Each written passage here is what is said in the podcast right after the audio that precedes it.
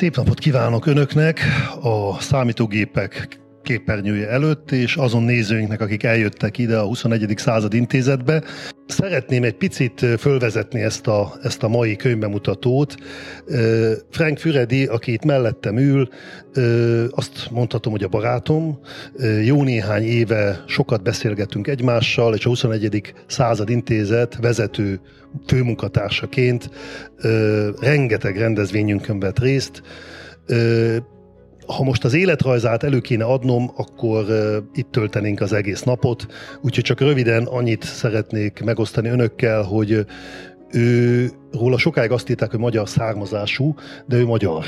Immáron hivatalosan is, hiszen magyar állampolgár, és 1956-ban 56 után a szüleivel 9 évesen hagyta el Magyarországot, majd Kanadában és az Egyesült Királyságban végezte tanulmányait, és 1975-től a Kenti Egyetemen tanított, szociológus, számomra igazából filozófus is, volt a 70-es években egy kitérő, amikor kommunizmussal, pontosabban a trockizmussal kísérletezett gondolatilag, de ez már a múlté, ebben közel tíz évet töltött el, és immáron ő a Kenti Egyetem emeritus professzora, temérdekhelyen publikált, érdemes tudniuk, hogy Frank Füredi a szociológus világban a világ egyik legtöbbet idézett szerzője, és 2017-ben jelent meg de lehet, hogy kicsivel később a Szélkeresztben Magyarország című könyved, amikor a, a migráns válság kapcsán Magyarországot ért támadásokról írtál, és ezeknek a gyökeréről. Most pedig egy újabb könyvvel lepett meg bennünket, amelynek az a címe, hogy Célkeresztben a határok. Egyébként tudni kell róla, hogy hát elképesztő mennyiségű újságban publikált, a Guardianban, a Timesban volt a BBC-nek, a Sky News-nak is rendszeres szerzője, és a Spiked Online-nak pedig egyéb, hát azt mondhatom főmunkatársa vagy szinte, hiszen rengeteget írsz nekik. Úgyhogy az ő könyvéről fogunk ma beszélni. A következő vendégünk, akiket besze, be, akit beszeretnék mutatni, ő a laudátor, aki, hát ha úgy tetszik, első kézből fogja méltatni, illetve ha kell kritizálni ezt a könyvet, Pogonyi Szabolcs, aki a Budapesti Ötvös Lórán Tudomány Egyetemen ö, szerezett diplomát, többet is, esztétika, irodalom, emélet, majd filozófia szakon, ö, tudományos fokozatot is szerzett, aztán a volt Alma Máterében volt tanársegéd, és ö, 2012-től a Közép-Európa Egyetemen, vagy ahogy sokan ismerjük, a CEUN tanít immáron Bécsben, mégpedig a Nacionalizmus Tanulmányok Program tanszék vezetője. Egyébként éveken át a Metazin és a Budapost internetes szemléknek szerzője, szerkesztője, és 17-ben jelent meg angolul, Nemzet a határokon túl, most lefordítottam az angol címet, egy könyve, ez angolul jelent meg, és a publikációid elmondhatjuk, hát nagy része gyakorlatilag angolul jelenik meg. Egyébként ebben a könyvben, amit megemlítettem, a határokon túli magyarok kérdéskörével, kérdéskörével foglalkozott, és hát számos szakfolyamatban jelennek meg tanulmányai a nacionalizmus témakörben. És van még egy vendégünk, nagyon örülök, hogy itt köszöntetem G. Fodor Gábort, politikai filozófust, politológust. Ő a Miskolci Egyetem bölcsésztudományi karán szerzett politológusi diplomát, aztán tudományos fokozatot az Ötvös Lórán Tudományegyetem állam és jogtudományi karán, volt tanársegéd Miskolcon, aztán az ELTE állam és jogtudományi karának politikatudományi intézetében, aztán elkezdődött a századvég korszak, amikor a századvég alapítvány munkatársa lett, stratégiai igazgatója, majd pedig az alapítvány kuratóriumának elnöke is 2015 óta a 888.hu hírportál fők szerkesztője is. Egyébként kutatási területei a modern magyar politikai gondolkodás története, a modern politikai filozófia etikai és ismeret elméleti dilemmái, legutóbbi könyve néhány hete jelent meg, és bestselleré vált nagyon hamar, az Orbán szabály címmel, úgyhogy köszönöm neki is, hogy elfogadta a meghívást. Mielőtt elkezdünk beszélgetni, mert ez a célunk, hogy egy picit beszélgessünk erről a fontos könyvről, én azt szeretném kérni Pogonyi Szabolcstól, Szabolcs barátomtól, hogy mondja el laudáló gondolatait, és rendelkezésére bocsátanánk ott ezt a pulpitust, hogy megadja ennek az akadémiai méltóságát. Köszönöm szépen a kedves bemutatást, köszönöm a megtisztelő meghívást. Eh, nagy örömmel beszélek erről a könyvről. Több szempontból is érdekes számomra. Egyrészt a témák, eh, azok az én kutatási területembe is vágnak, másrészt pedig az egyéb közéleti munkásságomban is hasonló eh, témákat szoktunk körüljárni a Metazinban és egyéb helyeken. Frank Füredit én 2005 óta ismerem, fél oldalas a mi ismeret azóta, mert hogy én ismertem őt, követtem a munkásságát. Elsősorban a Spiked cikkeit szemléztük elő, előszeretettel a Metazinban. Nem csak Frank Fürediét, hanem az összes többi szerzőjét is nagy szeretettel. Megnéztük, megnéztem most mielőtt elindultam, és a, a Katrina hurikán kapcsán szemléztünk először, 16 éve most már. Igen. Igen. És azóta 20 valahány, valahány cikket idéztünk és használtunk tőled. Ami a könyvet illeti, ahogyan azt Gábor már a rövid felvezetőben megemlítette, Frank Füredi 2017-ben a Célkeresztben Magyarország címmel publikált egy munkát, amelyben nyilván a migrációs válság körüli politikai viták, sajtóviták álltak, és amely könyvben azt a kérdést járta körül Frank Füredi, hogy eh, miért eh, próbálják meg Magyarországot és azokat a szuverenista államokat kritizálni, amelyek a migrációt határkerítésekkel és egyéb módokon próbálják megakadályozni, elemelkedve egy kicsit a politikai rögvalóságtól, egy kicsit általánosabb szemszögből vizsgálta ezt a kérdést, és a nemzetállamok nacionalizmus, szuverenitás kérdését állította szembe egy föderatív, eh, globalizációhoz közelebb álló Európai Uniós birodalmi elképzeléshez. Ez a könyv, amely címében is utal az előző monográfiára, célkeresztben a határok, itt nem Magyarország, hanem általában a határok állnak már a célkeresztben, ami sejteti azt is, hogy ebben a kötetben még magasabbra emelkedik Frank Füredi, és azt próbálja bemutatni, hogy az a kritika, amely általában a migráció korlátozásával, a határokkal, a határok megerősítésével kapcsolatban 2015 óta jelen van az európai politikában. Ez hogyan jelenik meg egy általánosabb filozófiai, szociológiai szemszögből az élet egyéb területein is? Vagyis hogyan jelennek meg a határtalanítási kísérletek, hogyan jelenik meg a bináris szembeállításokkal kapcsolatos kritika, hogyan jelenik meg a nyíltság propagálása, nem a konkrét fizikai államhatárok tekintetében, hanem a, a tágabb értelemben vett fogalmi, normatív, kulturális határok kapcsán. Azt hiszem, hogy akkor járok el a legtisztességesebben, hogyha két rövid idézettel próbálom meg ennek a könyvnek a fő mondani valóját összefoglalni. Az egyiket a könyv elejéről, a másikat a legvégéről választottam. Rövid lesz, ígérem. Idézem. Amikor a nyugat társadalma elidegenedik a határoktól, azzal nem előbbre lép, hanem önpusztító hajlamról tesz tanúbizonyságot, mert elfordul azoktól a hagyományos jelzők, jelzőpontoktól, amelyek eligazítanak a mindennapi életben. A könyv végén pedig így foglalja össze a könyv legfontosabb tanulságait Frank Füredi. Ez a könyv azt fejtegeti, hogy a korlátlanság szellemiségének különféle megnyilvánulásai között szoros kapcsolat van. A nemzetállami határokról szóló heves viták és a tömeges migráció ügyében követendő magatartással kapcsolatos ellentétek érthetően kerültek a média érdeklődésének középpontjába. Minden esetre az a védekező magatartás, amelyet a nyugati társadalmak jelentős része tanúsította a nemzeti határok integritása ügyében, nagyon is megfelel annak, ahogy kihalt belőle az, élet, az életet szabályozó számos határvonalba vetett bizalom. Végső soron a határtalanság korszelleme kétségtelennek vélt megkülönböztetéseket von kétségbe, a fogalmi elhatárolódások létjogosultságát sem kivéve. Vagyis arról van szó, hogy azt állítja ebben a kötetben Frank Füredi, hogy az a fajta határ, határ, határtalanítás, amely a fizikai határokkal kapcsolatban megjelent, hogy legyen átjárható minden határ, az az élet egyéb területein is jelen van velünk, egyre inkább jelen van velünk.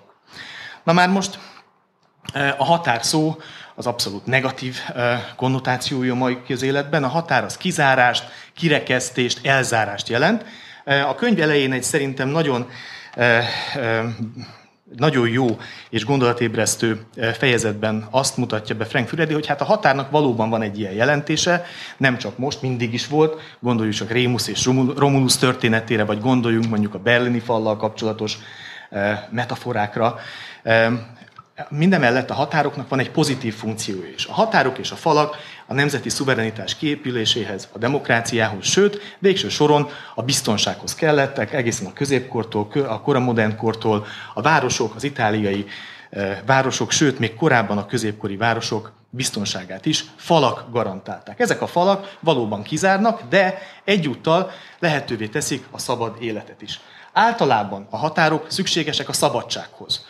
Én mondjuk, ha valahova be kellene sorolnom magamat, akkor a szabad elvű hagyományhoz sorolnám magamat, amelyet általában ugye a szabadságot éppenséggel, a határtalansággal szokták összefüggésbe hozni. Ez egy téves értelmezés, azt gondolom, az egyéni szabadságnak a feltétele az, hogy mások tiszteletben tartsák, ami azt jelenti, hogy szükség van bizonyos határokra és korlátozásokra.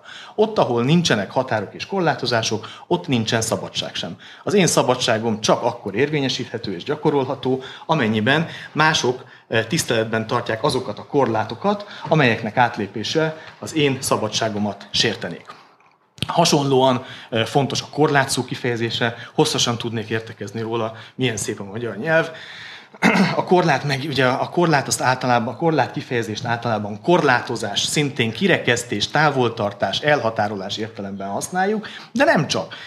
Aki már rossz térdel ment föl lépcsőn, vagy csúszós lépcsőn ment föl, az pontosan tudja, hogy a korlát az szükséges ahhoz, hogy mi magunk egyenesben tudjunk maradni. Korlát nélkül nem nagyon tudunk járni, segít abban is, hogy ne csúszunk le, ne esünk le valamiféle meredéről. Ahogyan a határnak, úgy a korlátnak is van egy pozitív jelentése hogyha ezeket a határokat, hogyha eltöröljük a határokat, nem csak a fizikai határokat, hanem általában a kulturális és a normatív határokat, ha eltöröljük, elfelejtjük azt, hogy hogyan tudjuk megkülönböztetni a szépet és a csúfot, hogyan tudjuk megkülönböztetni a normálist és az abnormálist, akkor identitás válságba fogunk kerülni, eh, anómiába, hogy egy Dürkheimi kifejezést használjak, eh, Dürkheimre bőven és sokszor utal Frank Füredi ebben a könyvben.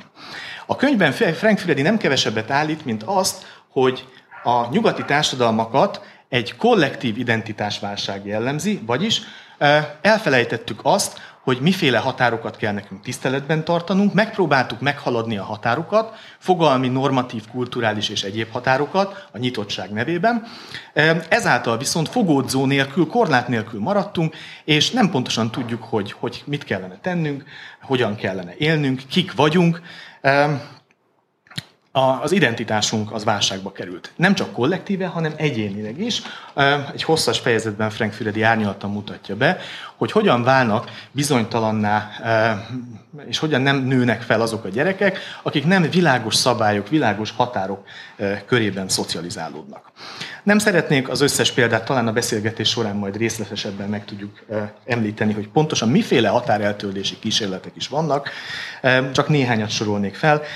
A nyílt határok elméletéről bőven és hosszasan ír Frank Füredi, vagyis azon filozófiai elméletekről, amelyek szerint a határok meglétét legitimálni kell, csak azokat a határokat, fizikai határokat tekinthetjük normatív, erkölcsi, filozófiai szempontból legitimnek, amelyeket meg tudunk indokolni. Azt tudjuk mondani, hogy hát bizony azért legitim ennek a határnak a létezése, mert hogy legitim ennek a határnak a létezése.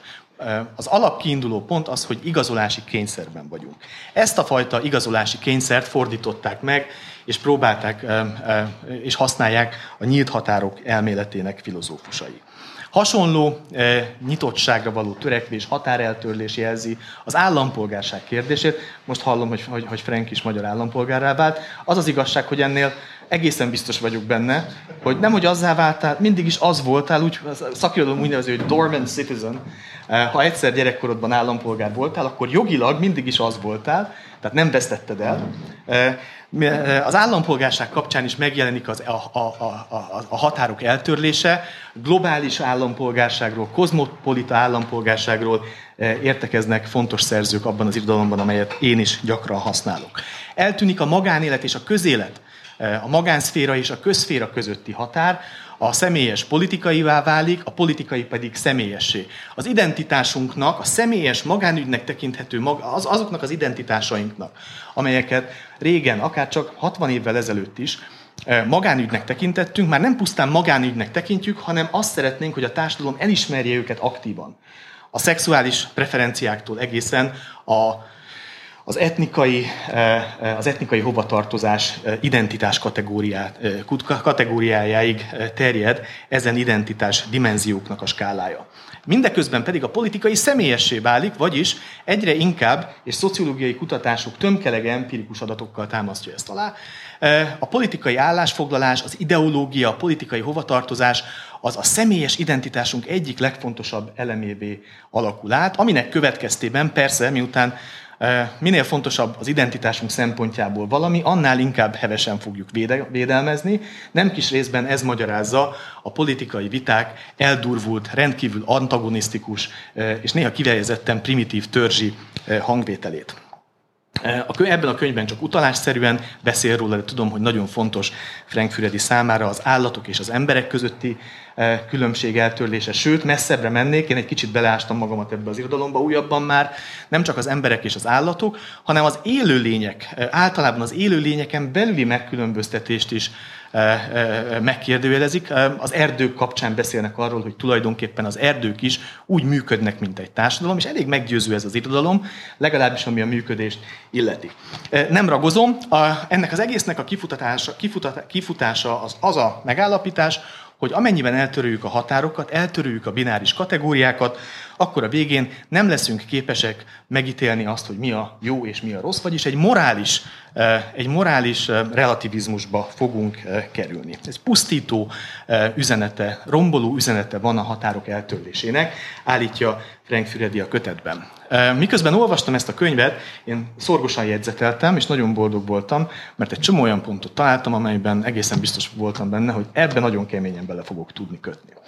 Az egyik ilyen gondolat az pedig az volt, a határtalanítás alapgondolata. Magyarán az, hogy ez a modern identitáspolitika mondjuk a gender kérdések kapcsán hogyan törli el a határokat, hogyan törli el, vagy akarja eltörölni a férfi és a nő közötti határokat. Aztán a könyv végén nagyon kellett csalódnom, mert hogy ahogyan haladtam előre, egyre inkább Egyre többször jelent meg az a gondolat, hogy a határeltörlők, a nagy nyíltság képviselői közben maguk is újabb határokat állítanak, talán többet is, mint, az, mint azok, akiknek a határait el akarják törölni, de az biztos, hogy szigorúbb és keményebb határokat. Gondoljunk csak a politikai korrektség normáira, elvárt normáira és az összes többire. A könyv legvégén Frank Füredi egy egész hosszú listát ad arról, hogy miféle új határok jelennek meg az elvileg, határtalan, az elvileg a határtalanság elvét képviselő gondolatokban. Becsukódott a könyvem, és ezt most nem fogom találni, de nagyon egy párat fejből is idézek, mondjuk az áldozat, az áldozat és az elkövető kategóriája. A kizsákmányolt és a kizsákmányoló, az elnyomott és az elnyomó kategóriája. Vagyis miközben eltörölnek bizonyos határokat, mondjuk azt, hogy tradicionális határokat, nemzeti határokat, a biológiai és a szexuális nemek közötti határokat, közben újfajta határokat emelnek a magánszférában is. Miközben eltörlik a gyerek és a felnőtt közötti korábbi határvonalat, szimbolikus és, és konkrét határvonalat, jogi határvonalat és a beavatási rítusokkal jelzett szimbolikus határvonalat. Közben e, ugyanezek a nyíltság képviselői e, mindenféle jogi bástyákkal próbálják meg a gyermekek védelme nevében a szülők jogát is korlátozni, meghatározni azt, hogy hogyan lehet, hogyan viszonyulhat egy szülő a gyerekhez. Ma már tudjuk, hogy sok országban feljelentheti a szülő a gyereket, e, mindenféle, mindenféle ügy kapcsán. E, nyilvánvaló, hogy a gyerekvédelem áll ezeknek a, a, a törvénykezéseknek a központjában, de mégis új határok jelennek meg. Ezt alig ha lehet vitatni. Szóval a könyv ott fejeződik be, hogy tulajdonképpen e, ezek a határeltörlők végül is maguk is határokkal állnak elő. E, nagyon érdekes lesz szerintem elbeszél, megbeszélni azt, vagy végig gondolni, hogy, hogy tulajdonképpen mikor, miért és milyen határok jelennek meg. Vajon nem arról van-e szó, hogy a politika és az, a, a kultúrpolitika, az identitásért vívott küzdelem, az tulajdonképpen mindig a kategóriákért folytatott küzdelem. Vagyis azért, az azért folytatott küzdelem, hogy, hogy meghatározzuk, mik azok a fontos politikai szempontból releváns kategóriák. A nemzet, a nemzeti hovatartozás, mondja az egyik oldal, nagyon sematikusan fogalmazok. A másik eh, elgondolás szerint nem a nemzeti hovatartozás a fontos, hanem az, hogy hol tartózkodunk az osztályranglétrán, vagy mi a származásunk. Van-e vannak-e olyan felmenőink, akik eh, valamiféle gyarmatosításnak vagy történelmi elnyomásnak az áldozatai? Sokszor én azt érzem, nem is eltörölni akarják ezeket a kategóriákat, hanem csak zárójelbe tenni. Azt mondani, hogy igen, ezek, ezek a kategóriák léteznek, de ezek inkább csak különbségek, amelyeknek a társadalmi politikai jelentősége nem olyan nagy. Van helyette egy másik kategóriarendszerem, amely sokkal inkább segít annak megértésében, hogy hogyan is működik a társadalom. Nem a nemzeti hovatartozása fontos, hanem az osztály hovatartozás, hogy csak egy klasszikus vitát idézzek, amely egészen Marxra megy vissza. Számos megjegyzésem lesz, és, és mindenféle érdekes kérdés jutott eszembe a könyv kapcsán, de azt hiszem, hogy már így is hosszúra nyújtottam a laudációt. Végül csak annyit jegyeznék meg, hogy érdemes elolvasni a könyvet, bravúros vállalkozás, rendkívül széles spektrumot ölel fel a hivatkozott elméletek és szerzőknek a listája, a szociológiától a politológiáig, egészen a pszichológiáig. Közben Frank Füredi az úgynevezett köztes elméletekre is gyakran hivatkozik, tehát a komoly, a köznapi politikánál egy kicsivel magasabban álló eszékre, folyóirat tanulmányokra, ezeket nagyon szépen vegyíti, és próbálja az a legáltalánosabb elmélet segítségével megérteni a közpolitikai vitákat. Tehát tulajdonképpen, eh, hogyha egy kicsit nyers eh, metaforát használnék, akkor azt mondanám, hogy ezt a mocsarat próbálja ő úgy megérteni, és me, hogy elég közel megy hozzá, de hogy azért mégse süllyedjen bele. És szerintem ez sikerül.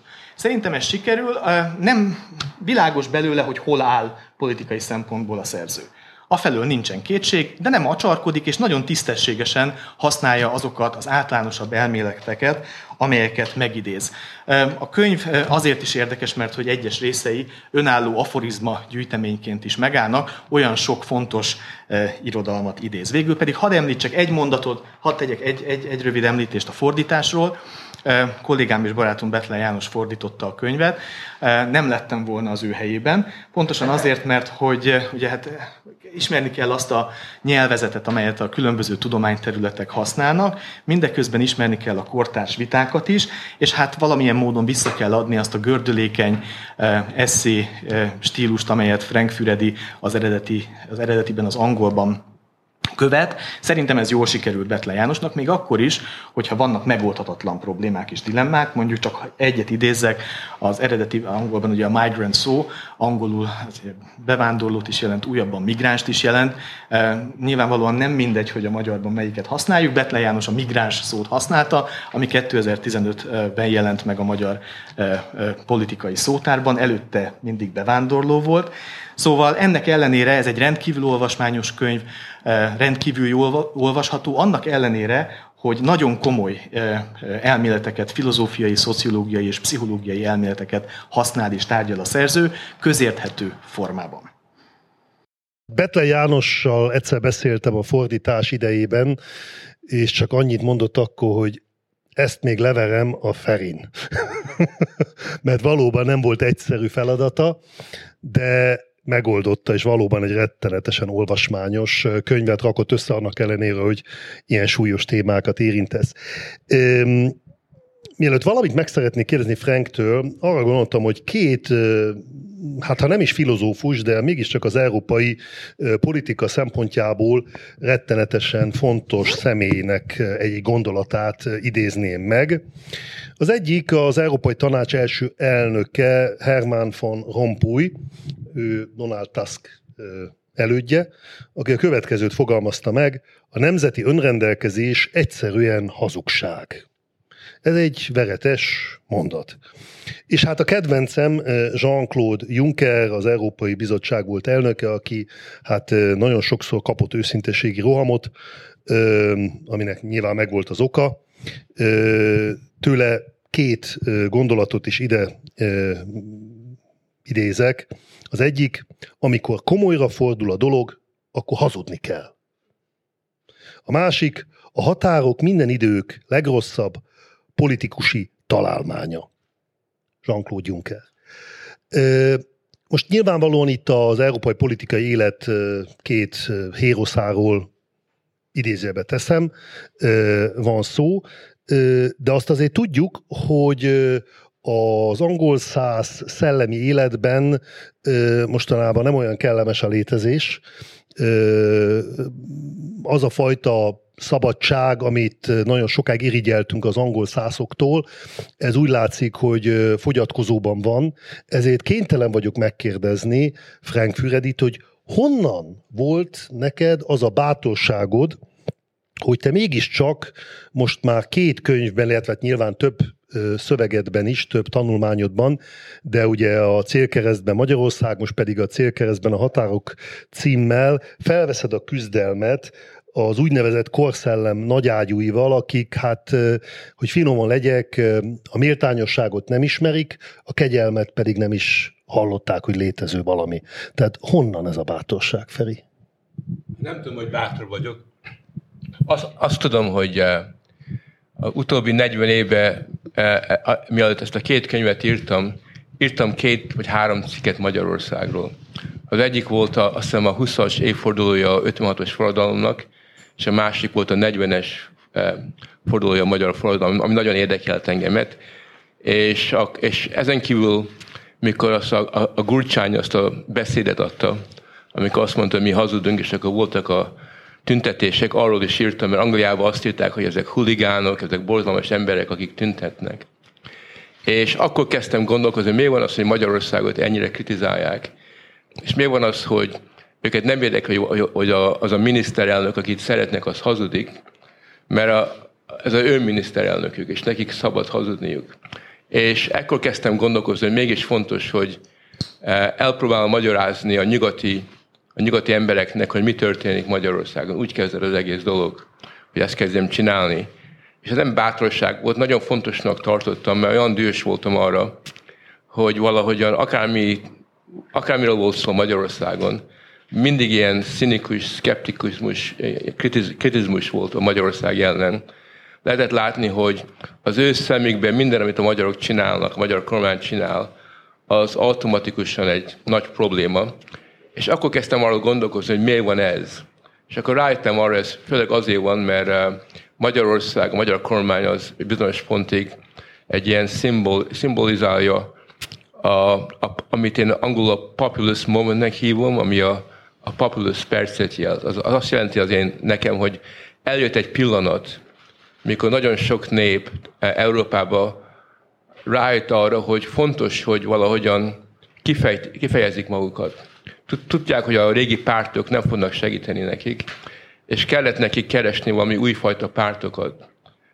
És amikor ez megtörtént, akkor, akkor ebben a pillanatban mondta a Juncker azt, hogy a határok a legrosszabb dolgok a világon, mert az ő szemébe a határok, a populizmus és Magyarország valahogyan összekerültek, össze, és valahogyan a ő fejbe ezt mind összefűzték. És emiatt írtam ezeket a könyveket. Nem, nem is gondoltam arra, hogy miért csinálom. Egyik reggel fölkeltem, és mondtam a feleségemnek, hogy most már elkezdek erről egy ilyen, erről többet és többet írni, mert fontos, hogy harcoljunk ezen a nyugati propaganda ellen. Annyit azért hadd kérdezzek meg, hogy mi volt a közvetlen baráti, vagy adott esetben csak szakmai közegedben a reakció erre a két könyvre? Ez elég érdekes, mert a, az első könyvre, mikor kijött, eleinte eléggé pozitív reakció volt. Pláne Hollandiában, Belgiumban, a, a, a, a nyugat-európai országban, még Angliában is. De valójában azok az, azok az, az egyetemi tanárok, akiknek ez a, ez, a, ez, a, ez a témájuk, azok rögtön rám szálltak, és mondták, hogy ez jobboldali.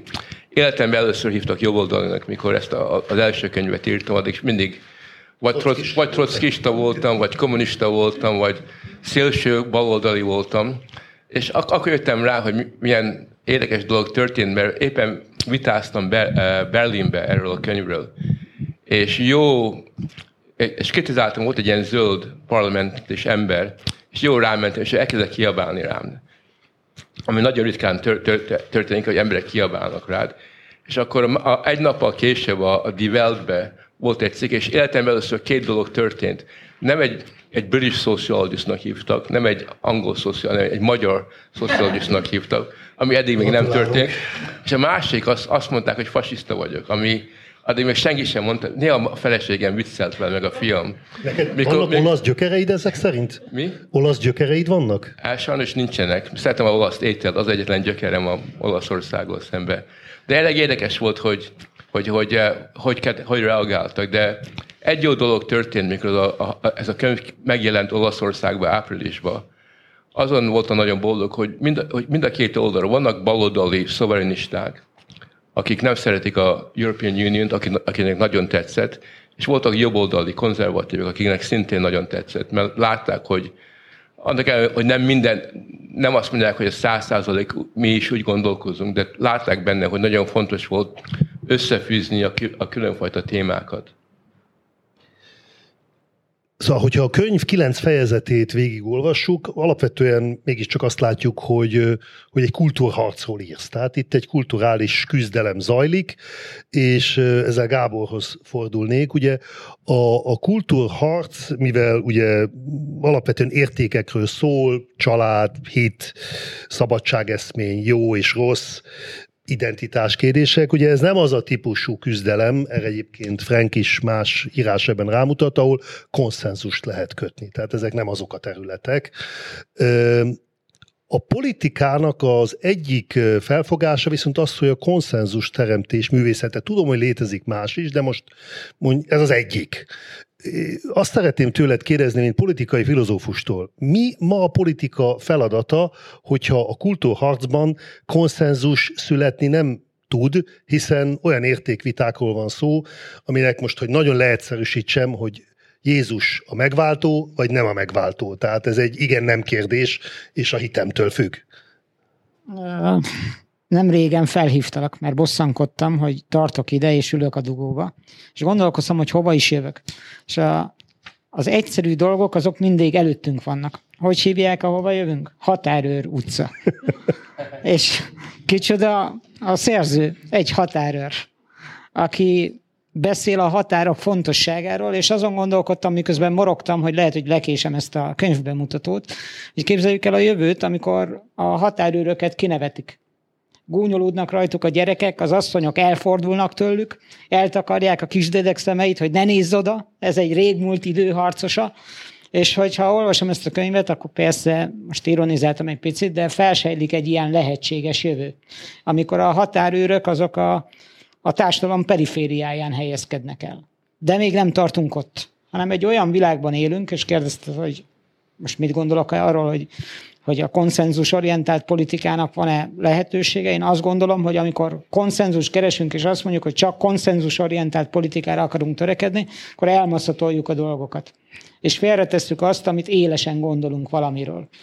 És nekem a határ azért fontos, meg a határőr, mert a határőr az a bátor ember, aki azt tudja mondani, hogy eddig és ne tovább.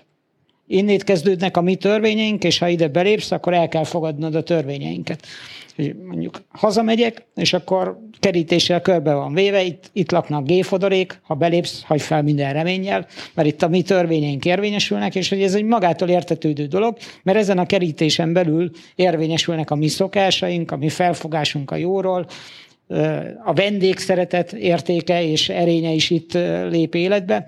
Szóval szerintem, ha a határőröket kiradírozzuk a politikából, és azt mondjuk, hogy a politikának az a feladat, hogy boruljunk egymásra, keressük a konszenzusokat, akkor valójában azt kérjük, hogy ne mondd meg, hogy te mit gondolsz a világról. Nem mondd meg, hogy te mit tartasz helyesnek. Mert attól félünk, hogyha megmondod, akkor vita lesz belőle. Biztos jobban tudjátok nálam, de egyébként a tehát a modern politika az ott vette fel a fonalat, hogy azt mondta, hogy például azért kell a vallásháborúkat beszüntetni, mert ezekben a kérdésekben nem tudunk egyetérteni. Ezért például ezeket a kérdéseket ki kell zárni a politika területéről, mert ha békére törekszünk, amit minden ember akar, akkor azokban a kérdésekben, amiben nem tudunk megállapodni, azt jobb, ha félretesszük. De én azt gondolom, hogy végül is mégiscsak vannak vallásháborúk mégiscsak vannak olyan politikai konfliktusok, amelyek arról szólnak, hogy az emberek elmondják, hogy ki a mi Istenünk, mit tartunk helyesnek. És ha ilyenek vannak, ez nekem annak a bizonyítéka, hogy ezek megszüntethetetlenek. Vagyis a határőrökre szükség van, és te a bátorságot kérdezted a Franktől, azt mondta, hogy nem tudja, nem is gondolta arra, hogy bátor. Mert egy határőr az nem úgy kell fel, hogy gondolkozik azon, hogy bátor-e vagy nem, hanem teszi a dolgát és hogy szerintem egy olyan világban élünk, hogy lezárjam, rövidre zárjam a metaforát, hogy egész egyszerűen a határőröknek kell beszélni arról, hogy szerintük mi a helyes, mi a nem helyes, mi a mi szokásaink, mik az övék, és olyan, mintha hogy mondjam, tehát ebbe az űrzavaros világba, amikor a határőrökre megvetéssel tekintenek, vissza kell szerezni a politika tekintélyét. Mert a politika ott kezdődik, ahol a határőrök megjelenítik, megjelenítik a határokat. És nagyon szép laudációt kaptunk itt, tényleg mindenre kiterjedően, és ha ebből egy gondolatot kiemelhetnék még, az pontosan az a játék, hogy a, a határtalanság emberei azok új határokat jelölnek ki, és egyetértek Szabolcsal, hogy hát ez milyen politikai kérdés. Én nem úgy fogalmaznám meg, hogy a kategóriák uralásának a problémája, hanem hatalmi kérdés. Nem is azt mondom, hogy nem fontos a te kategóriád, nem azt mondom, hogy felülírom a te kategóriáidat, mert lehetséges, hogy a politikai mozgalmak jelentős része úgy érthető meg, hogy te azt mondod, hogy te a nemzet oldalán állsz, én meg osztályharcos vagyok, akkor nem azt mondom, hogy a tiéd nem fontos, hanem a tiéd veszélyes és ebből keletkeznek azok a politikai konfliktusok, amelyek görgetik tovább az emberi történelmet. És szerintem ez a könyv is olvasható úgy, hogy kijelöli azokat a pontokat, hogy álljunk meg, emberek, ez veszélyes. Veszélybe sodorja a civilizációt, veszélybe sodorja a gyerekeinket, veszélybe sodorja mindazt, amiért harcolunk. Tehát tulajdonképpen a határőr nem csinál mást, mint hogy világossá teszi azt, amiért harcolnunk kell és szerintem illúzió vagy utópia egy olyan világ, ahonnét ezek a szereplők eltűn, eltűnnek. Még akkor is, hogyha egy ilyen világról beszélnek általában a közbeszélők. Szóval én ezért örültem nagyon ennek a könyvnek, mert hogy a, a, csak azt tud a határól beszélni, aki érintett ebben a kérdésben, és úgy érzi, hogy meg van sebezve. Hogyne. A Gábor arról beszélt, hogy a mostani kultúrháború hasonló, mint a régi vallásháborúk voltak, és ebben teljesen igazad volt. De van egy, egy pont erről, amit nagyon sokan elfelejtenek, hogy mi történt igazából régen, és, és mit tudunk ebből tanulni mostan.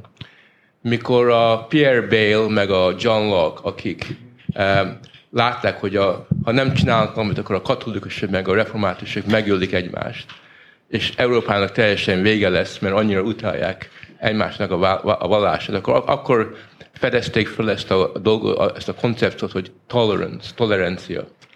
És szerintem a tolerancia ez egy nagyon fontos érték, és sokan nem érték, hogy az miről van szó. Sokan azt gondolják, hogy tolerancia azt jelenti, hogy, nagyon szépen viselkedünk egymásról. Vagy tolerancia azt jelenti, hogy pusziljuk egymást. De igazából a tolerancia az azt jelenti, hogy annak ellenére, hogy utáljuk egymásnak az ötleteit, utáljuk a te vallásodat, mert nekem az én vallásom fontos. Annak ellenére, hogy így gondolkozok, azért egy, egy, egy szabad társadalomba kell, hogy vitázzunk erről. Kell, hogy te, tudjál, te, te tudjad kifejezni magadat, és kell, hogy én is ki, ki tudjam fejezni magamat. Kell, hogy én, nekem legyen vallásszabadságom, és le, kell, hogy neked legyen vallásszabadságom. És szerintem ez, volt, ez, ez a, a, a liberalizmusnak a legfontosabb alapértéke, ami a konzervatívnak éppen annyira fontos, mert nem lehet igazi szabadság, nem lehet magánszabadság, tolerancia nélkül.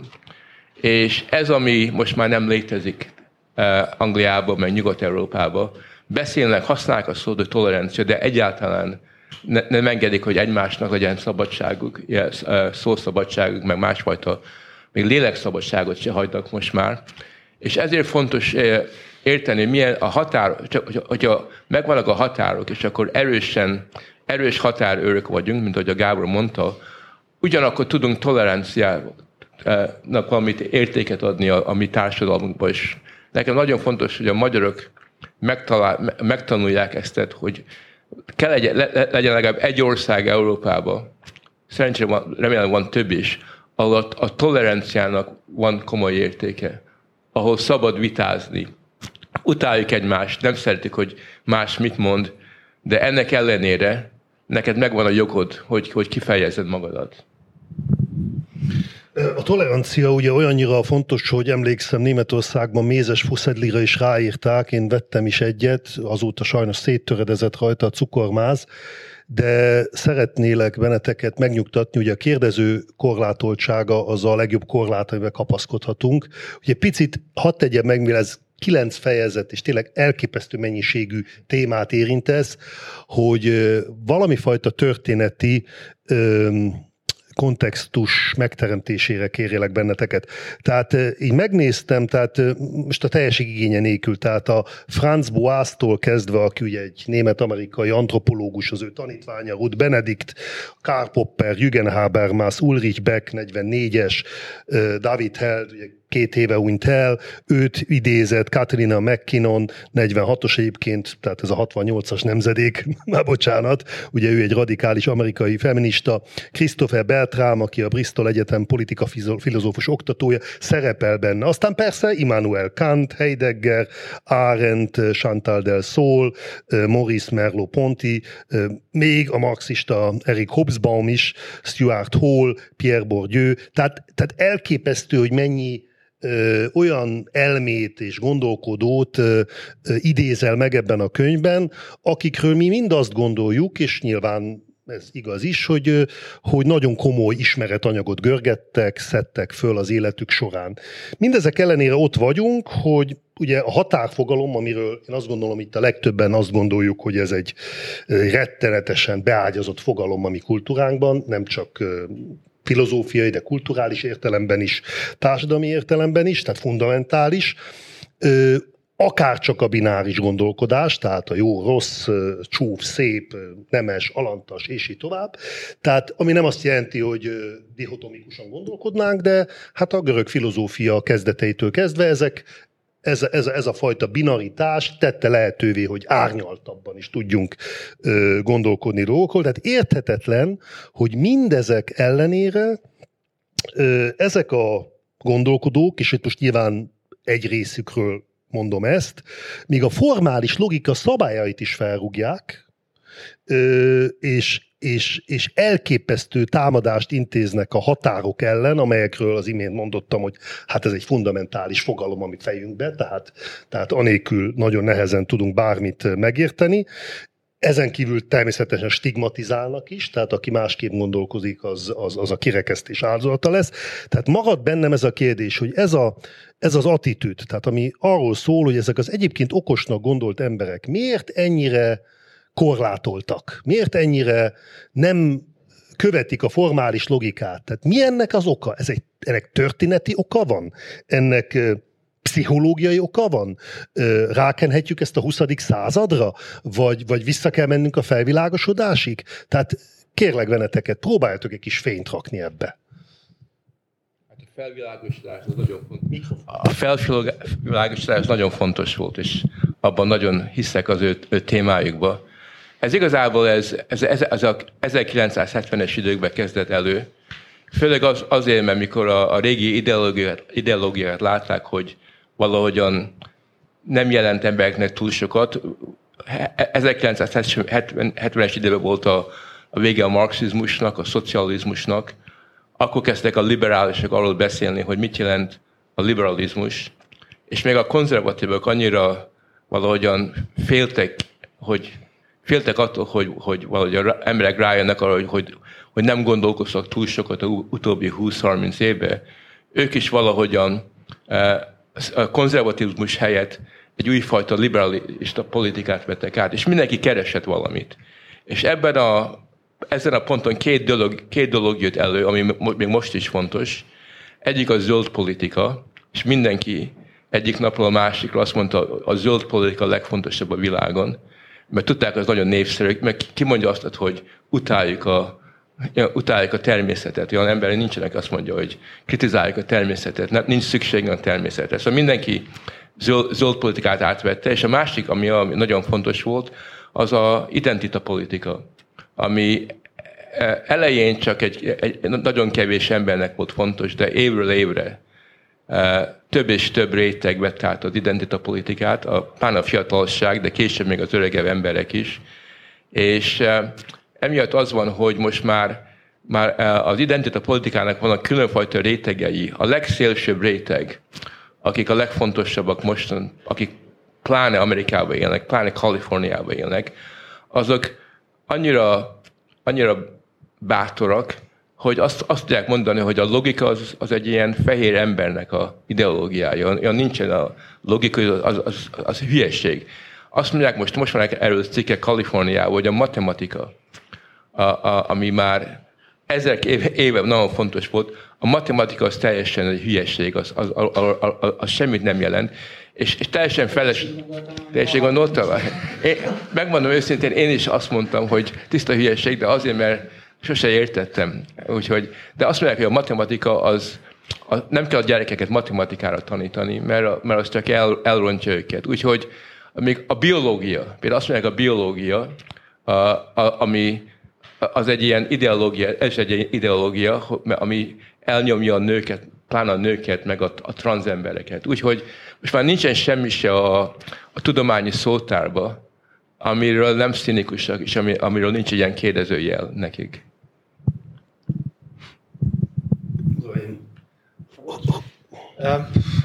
Nagyon, nagyon nagy kérdések ezek. Én, én, én azt hiszem, hogy, hogy amikor olvastam a könyvet is az volt az érzésem, hogy néha, néha e, túloz túloz Frank. Igen, igen, igen. Tehát um, hadd mondjak néhány percet, hogy minden el akarják törölni a, a, a határokat. Ez speciál még csak azokra sem igaz, még a transzok mindegyikére sem igaz. Gondoljunk bele azokra a nem váltókra, akik, akik azt mondják, hogy, hogy ők lélekben, lélekben és identitásban nők vagy férfiak, csak éppen rossz testbe születtek. Ők nem eltörölni akarják ezeket a gender és a biológiai különbségeket, hanem szeretnének átmenni a másik kategóriába. Ez az átmenet, ez különben éppen, hogy nem eltörli, hanem megerősíti ennek a kategóriának a fontosságát. Elismerem, hogy olyanok is vannak, akik azt mondják, hogy ennek az egésznek semmi értelme, ők egyik nap az egyik, a másik nap a másik, vagy közte valahol, de hogy kevesen vannak. Ugyanez vonatkozik az állampolgárság, a nyitott állampolgárság, én ezt tanítom ezt az elméletet, nyílt határok elmélete. Ez egy nagy, komoly filozófiai gondolat. Én azt gondolom, hogy, hogy ebben, ebben van logika politikai jelentősége ennek szerintem zéró. Abszolút zéró. Tehát én nem ismerek egyetlen egy olyan politikus sem, aki ezt az elméletet komolyan veszi. Hallottak már olyan politikusról, aki azt mondta, hogy akkor ők azt olvasták Kerensnél vagy, vagy Ayelet Shacharnál, hogy, hogy a határok azok, azok alapvetően igazságtalanok. Van, a logika az nagyon egyszerű mögötte, valóban jelentősen meghatározza. A magyarok erre csatlakozhatunk, ugye, mert igazságtalanok a határok. Igen, tehát az, hogy az határnak melyik oldalán születünk, az nagyban meghatározza az élet kilátásainkat. Na most, ha ez így van, van olyan politikus, aki azt mondaná, hogy, hogy akkor töröljük el, mert hogy rájöttek, hogy ez az egész ez egy bűn. Nincs ilyen politikus. Tehát, hogy azt gondolom, hogy ezekkel a, ezek, ezek a filozófia tanszékeken folyó viták, amelyek kiszivárognak maximum a közéletbe, de jelentős hatásuk szerintem nincsen. Legalábbis én nem, nem találkoztam ilyennel. Ha lehet egy kicsit vitatkozni. Hajrá! Sok kérdésre válaszolni, mert rengeteg, rengeteg kérdés merült fel. Hogy azt kérdezted, melyik történelmi kontextus. Emlékszem, 19 éves rác voltam, alapvetően a egyetemista lányok érdekeltek, de villogtam az órám, megkérdezték, hogy miért fontos Grócius. És azt mondtam azért, mert azt mondta, hogy a gondolatokat nem lehet büntetni. És ma meg odáig jutottunk, hogy már a gondolatokért is lelkismeretfordulást kell átélnünk, meg nem szabad gondolni a dolgokat. Szerintem ez egy világos korszakhatár. Tehát a középkor meg a mostani kor között feszül valami, ami lényegesen megváltozott. Ami a vitát illeti. Egyetértek azzal, hogy sok őrült gondolat van a filozófia tanszékeken, és hogy ezek korábban elszigeteltek voltak. De valahogy felértékelődött a társadalomtudomány szerepe, és én nem úgy látom, nem, tehát nem onnét látom megközelíthetőnek a dolgot, hogy okos filozófusokat hivatkoznak politikusok. Hanem vannak politikusok, akik akarnak dolgokat, szerintem létező politikai gondolat Európában is, hogy a határok veszélyesek, a nemzetállami szuverenitás veszélyes, és egyébként vannak ennek ilyen soft kiterjedése a társadalomtudományi karokon, amelyek megzenésítik, megideologizálják, teoretizálják ezeket a kérdéseket, és ezek hatnak bölcsészkari hallgatókra hatnak, vitákra hatnak, fiatalokra hatnak. Szóval én azt gondolom, hogy fordított a folyamat, nem becsülném túl a filozófusok jelentőségét a politikában, de a politikai gondolat társadalmi megalapozásában ezek a tudományok, ezek a megközelítések szerintem részt vesznek. És ezek komoly hatást gyakorolnak azért, mert valami történt, szerintem, hogy legitimálták az őrült gondolatokat. Tehát ez, hogy a matematika veszélyes, vagy a biológia veszélyes, sőt zsarnoki, sőt elnyomó, mert nem lehet másként gondolkodni például a biológia törvényszerűségeiről, vagy a matematika törvényeiről, szerintem ezt korábban kiröhögték volna. Most pedig egy számon kérhető, egy komolyan vehető gondolat, ami akár híveket is szerezhet magának, mint egy futballcsapat vagy egy politikai párt. Mindig lehet, hogy én, mindig lehet, hogy én túlzok. Egy normális ember vagyok, hogyha, hogyha, hogyha elkezdek gondolni valamire, akkor mindig olyan, olyan messzire viszem, amire tudom. De, de mikor én írtam ezekről a dolgokról, én nem arról írtam, hogy a politikusok mit gondolnak. Nem arról, és pláne, hogy, hogy mit mondanak, mert sokszor amit gondolnak, és amit mondanak, az egész más. Engem az érdekel, hogy a kultúrában milyen fajta ötletek eh, fontosak. És én azt tudom, hogy ha beszélek a te tanul, a tanítványaiddal, a szeljún, vagy beszélek akármilyen egyetemistákkal, és megkérdezem tőlük, hogy kit imádnak, mik, mik a nagyon népszerű mondjuk NGO-k, akkor rögtön azt mondják, hogy a Médecins Sans Frontières, ami az orvosok határok nélkül. És ha beszélek, beszélek a fiatalokkal, nem csak egyetemen, hanem általában a kultúrában, akkor ez a határ elleni gondolkozás nagyon-nagyon erős.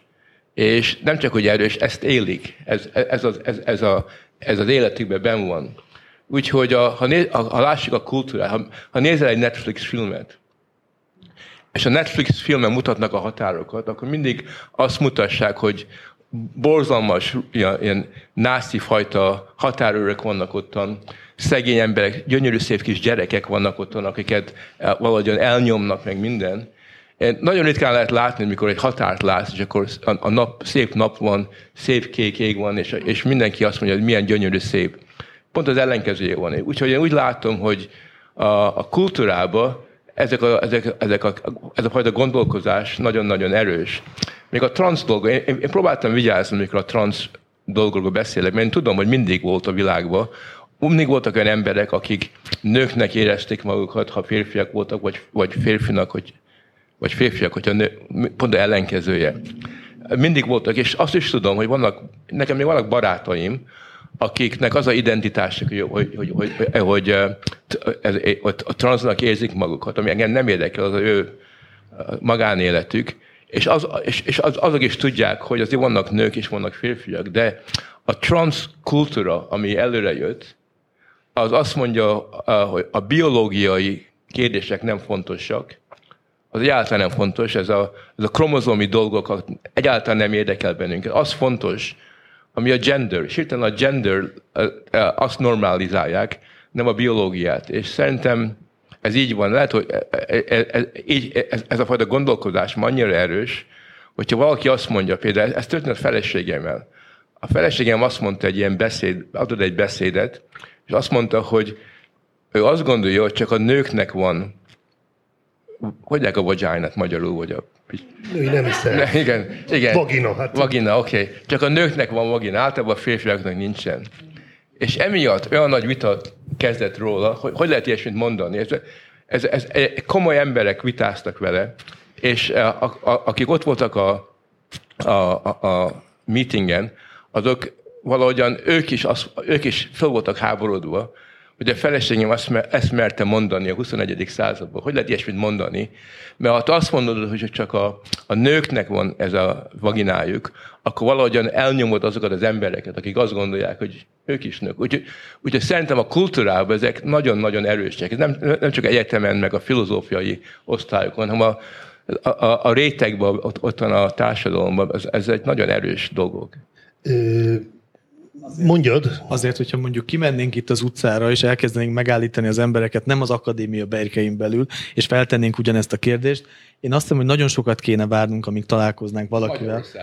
De szerintem már, de én, én, én Londonban is ezt tudom. Különben a példát, ami a konkrét példát illeti, ez a példa is azt mutatja, hogy nem eltörölni akarják a határokat. Hát fontos az, hogy azt mondjuk, hogy hát lehet azoknak, tehát hogy hogyan, hogyan határoz, hogyan az, kire használhatjuk azt, hogy nő. Erről szól ez a vita. Nem eltörölni akarják. Nem azt mondják, hogy ne legyenek nők meg férfiak, hanem azt, hogy hát ne az alapján határozzuk meg, hogy ki a nő, hogy van-e éppenséggel valamilyen eh, nemiszer, elsődleges nemi szerve.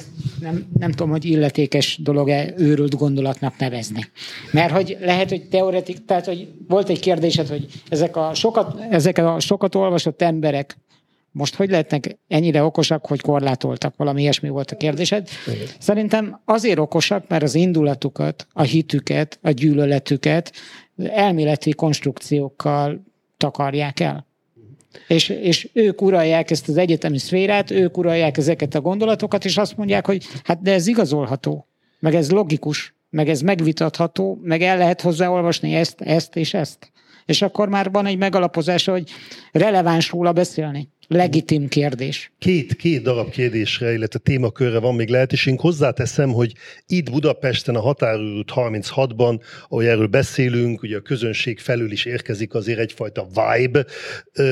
Ha ugyanezt Németországban csinálnánk, akkor én tudom, mert elég sok ilyen beszélgetésen vettem ott részt, ott más lenne ez a fajta kisugárzása a nézők részéről. Rendkívül óvatosan kellene fogalmazni ahhoz, hogy utána még egy egyáltalán bármilyen rendezvényre meghívást kapjunk, de azért ez a könyv, ez egy, ez egy kegyetlen tematikát fog meg, mert ugye azt írott Frank, hogy a totális diktatúrák a 20. században ugye a, a, a közösség, a kollektív jogokat helyezték az egyén fölé. Uh, és, és ennek címén, örvén rengeteg gonoszságot vittek véghez. És ez az új ideológiai áramlat ezt megfordítja, ugye a, az elvont egyén fogalmát helyezi a közösség fölé, ez egy inverse totalitarizmus, ha úgy tetszik, tehát azért ez nem gyerekjáték, ez mi itt nyilván a Kárpát-medencében a saját kulturális hátországunkkal lehet, hogy mosolygunk, és azt is látjuk, hogy ennek a az eszmerendszernek a fiatalokra azért óriási hatása van, Ö, szerintetek miért? Miért van ekkora hatása a fiatalokra ennek? Először is azért, mert a, sajnos a, a felnőttek, meg a politikusok annyira gyávák voltak a utóbbi 40 évben, hogy nem tudták, hogy milyen fajta értékeket adjanak át a fiatalságnak. És ahelyett, hogy felnevelték volna valami, valami jó komoly értékre, hogy mi a jó és mi a rossz, akkor, ahogy írtam a könyvbe, például nyugaton a, a fő érték az, a, ami nincs is egy magyar, nem, nem, lehet magyarul lefeje, eh, lefejezni, az a non-judgmentalism, ami azt jelenti, hogy nem szabad értékelni az embereket, nem szabad, ezt nem szabad csinálni, hogyha értékelsz valamit, akkor kihagyod azokat, akiket, azokat megbánod azokat, akiket mondjuk nem tartasz jónak.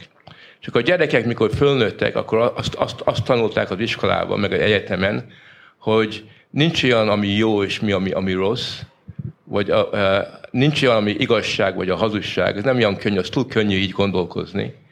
És a gyerekek így kezdtek gondolkozni, ahogy felnőttek, akkor nagyon könnyen át tudták venni ezeket a, ez a, ezeket a szimbolizmusokat, amit a identitika politikától kaptak. De ennek ellenére még nem, nem csak ez volt, mert nem csak az volt, hogy a felnőttek, meg az iskolák, meg a szülők nem tanulták a gyerekeket a, ezekre az értékekre.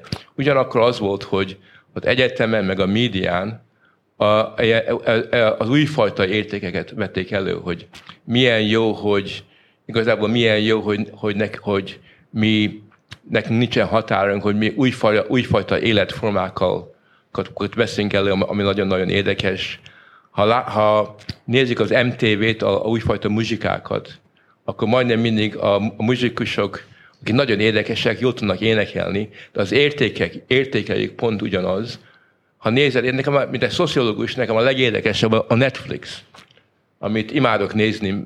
E, először is érdekes, de másodszor azért, mert minden ember, aki, e, aki szép, aki e, jó példa mindenkinek, az, az, az, az vagy homoszexuális, vagy trans dolog felé megy, vagy utálja a heteroszexuális fajta politikát.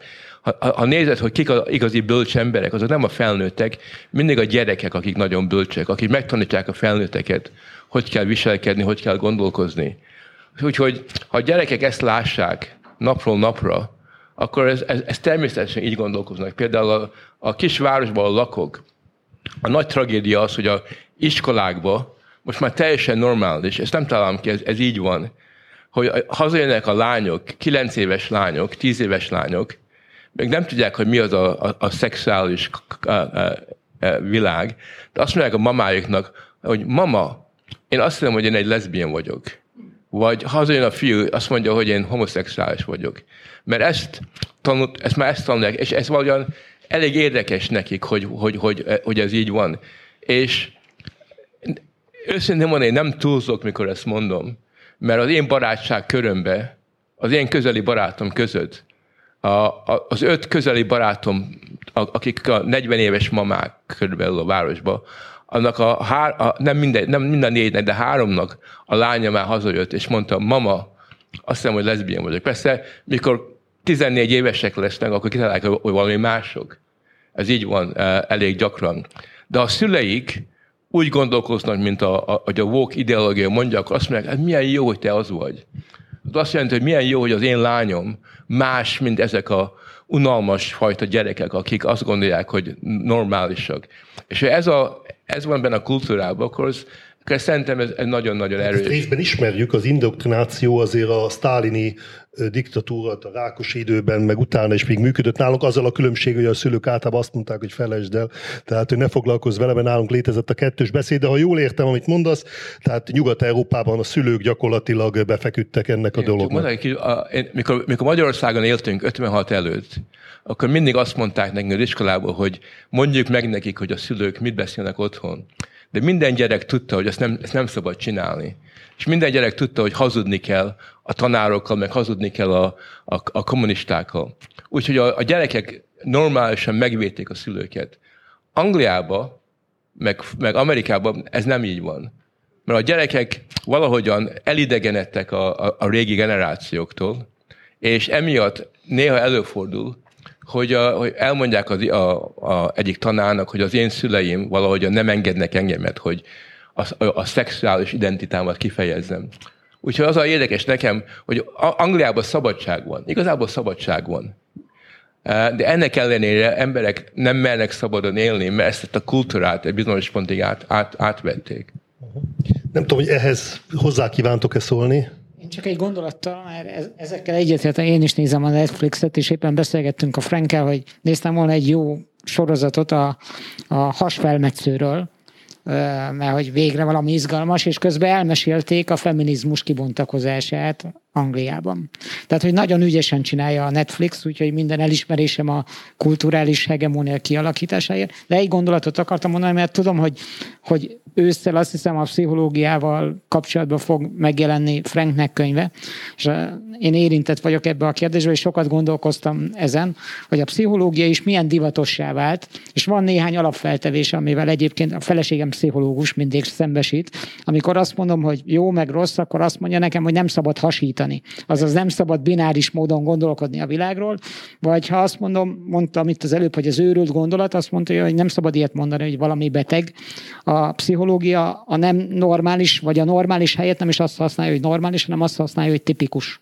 Valami tipikus. Mert hogy megengedő módon kell beszélni erről, meg hogy vannak értékei, ugye te is erről beszéltél, amikor találkoztunk, hogy mégis van egy értékfelfogása, például segíteni kell. Mindenkinek segíteni kell. Szóval nem tudom, mindenhonnan áramlik egy ilyen hatalmas szőnyegbombázás, és a határőröknek nagyon kemény feladata van, úgyhogy... Akaratom, nem mondhatom, hogy akaratom ellenére vagyunk itt hosszabban, mint, mint eredetileg terveztük. Egy kérdést azért muszáj föltenni. Itt vagyunk egy, egy szörnyű pandémia, hát azt, azt se tudom mondani a végén. Tehát valahol vagyunk benne ami a valóságnak egy olyan pofonja volt, ami azért az európai országokat gyökeresen átalakította. Hirtelen a határoknak óriási jelentősége lett, a határok átkelése nem volt lehetséges, illetve csak nagyon szabályozott és hát regulázott formában, vagy egyáltalán nem. A kérdésem az, hogy az ilyen válságpofonok, amiket kapunk, ezek nem terelnek előbb-utóbb minket vissza egy picit a normalitás világába? Hát, egy bizonyos pontig igen, mert emberek kitalálták, hogy a pandémia az, hogy a határok fontosak, mert fontosak a határok, hogy megvédjék őket a, a Covid ellen, és a, emiatt egy bizonyos pontig a geopolitika, a világ geopolitika nagyon más lett, mert hirtelen észrevetik, hogy angol, angolok meg amerikaiak lássák, hogy a kínaiak nem imádják őket, lássák, hogy vannak különfajta konfliktusuk a, nemzetek között, ami mindig ott volt, de azt nem lehetett látni olyan, olyan, olyan könnyen, és emiatt a határok előre jöttek egy bizonyos pontig. De én azt mondom, hogy a, én nem azt írtam a könyvben, hogy, hogy, hogy, hogy, hogy a határok nem léteznek. Én azt írtam, hogy a régi hagyományos határokat, meg a, meg a fizikai határok ellen vannak az emberek, de nem azt jelenti, hogy nem lesznek új határok.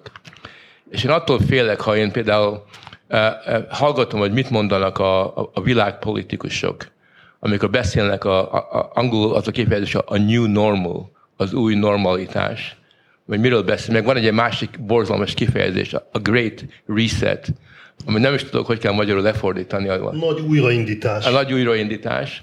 Akkor egy olyan világról beszélnek, ami e, az, az, az, az meg jobban előre viszi ezeket a tendenciákat, ami most létezik.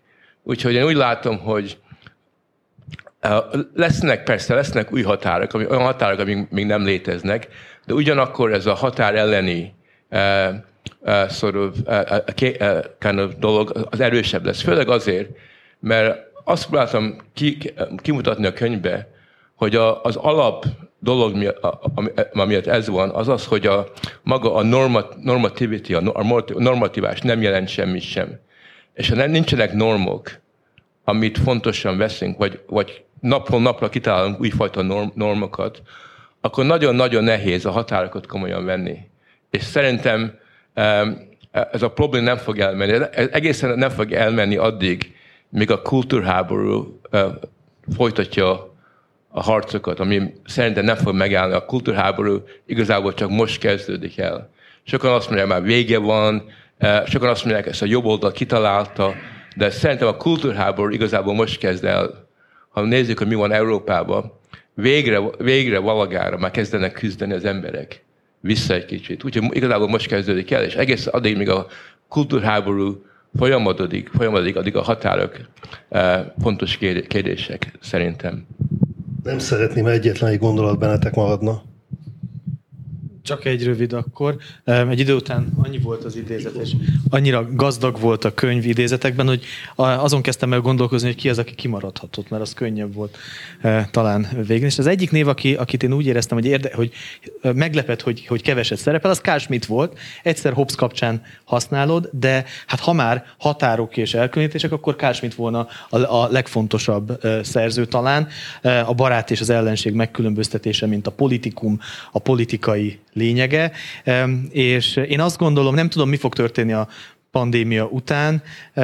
Még azt se tudjuk, hogy mi történt, hogy honnét jött meg, szóval én ez ügyben nagyon óvatos lennék, de e, én nem bánnám, hogyha mondjuk e, ez a fajta antagonisztikus, schmittiánus határteremtő politika e, abban a szempontból gyengébbé válna, hogy legalább abban megegyeznénk, hogy mik a meg nem egyezésnek a határai. Tehát, hogyha világosan körülírnánk azt, hogy mik azok a kérdések, amelyekben nem is akarunk, nem tudunk és nem is akarunk megegyezni, azokat tegyük zárójelbe, és az összes többi kérdésről pedig egy kultúrát, vitát eh, folytassuk, mert hogy hát mégiscsak szóval lehet sok mindent gondolni, de hát a gyerekeink eh, közös iskolába fognak járni, az ő eh, adójukból fogják fizetni nekünk majd a, a, a nyugdíjat, meg a, az öregkori ellátásunkat, szóval azért jó volna, hogyha valamiféle konszenzus lenne, és azt hiszem, hogy ezekhez, ne, ezeket nem, nem segíti elő a, ezeknek a, a, akár a meglévő határoknak a megerősítése. Gábor, van még? Nem erre akarok reagálni, hanem én úgy érzem, hogy ez egy fura érzés, amikor megjelent a pandémia, jöttek ezek a nagy elméletek, hogy majd új világba fogunk élni, meg így már nem lehet folytatni az életünket, aztán ahogy elkezdett elmúlni a egyik hullám, második hullám, mindenki ugyanúgy élte, ahogy eddig. Ez a hétköznapok szintje, de ami a politika szintjén történik, én, én azt gondolom, hogy a pandémia egy folyó, ami valahogy itt most folyt mellettünk, és majd kiszárad ez a meder, és egyébként a politika hagyományos medrében, még ha lefolytva is, de ugyanazok a konfliktusok megmaradtak.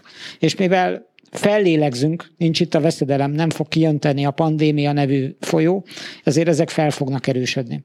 És én ennek a jeleit látom, hát ha aktuál politikánál maradunk Budapest vagy Brüsszel vitája, ugyanabban a mederbe zajlott az elmúlt másfél évben is, mint a pandémia előtt. Ugyanazok a kulturális kérdések feszegették a gondolkodóknak a agytekervényeit, hogy ilyen furcsán fogalmazzak, mint korábban. Csak legfeljebb lefolytva volt, mert egy kicsit megijedtünk. de én azt gondolom, hogy nem valami új lép a helyébe, nem, nem lesz nagy újraindítás, ha csak ez nem egy politikai jelszó, nem ezek a konfliktusok fognak felerősödni. Egyetértek azzal, hogy a kulturális háború hát elkezdődött. És ennek a szemtanúi és résztvevői leszünk. Köszönöm szépen. Az első és legnagyobb köszönet önöké, a közönségünknek, hogy eljöttek a pandémia utóhatása ellenére, és vállalták, hogy itt vannak velünk. Nagyon-nagyon köszönöm azoknak, akik követtek bennünket az interneten, és megnézték ezt az adást. Akik itt vannak, abban az előnyben ö, érezhetik magukat, hogy Frank Füredi itt van, és a könyv kapható, nem csak ez, hanem a célkeresztbe Magyarország is, és dedikál. És ugye tudjuk, hogy egy dedikált kötet, főleg, hogyha Frank Füredi a saját kézjegyével látja el, azért az egy nagy dolog, úgyhogy biztatom önöket, hogy szerezzenek kötetet és dedikáltassák. És természetesen köszönöm Frank Füredinek, hogy itt van, hogy beszélt, hogy ezt a könyvet megírta, Pogonyi Szabolcsnak, hogy laudálta és végig gondolta, Géfodor Gábornak, hogy pedig sok-sok szempontot adott nekünk, úgyhogy ezekkel a gondolatokkal búcsúzom viszontlátásra.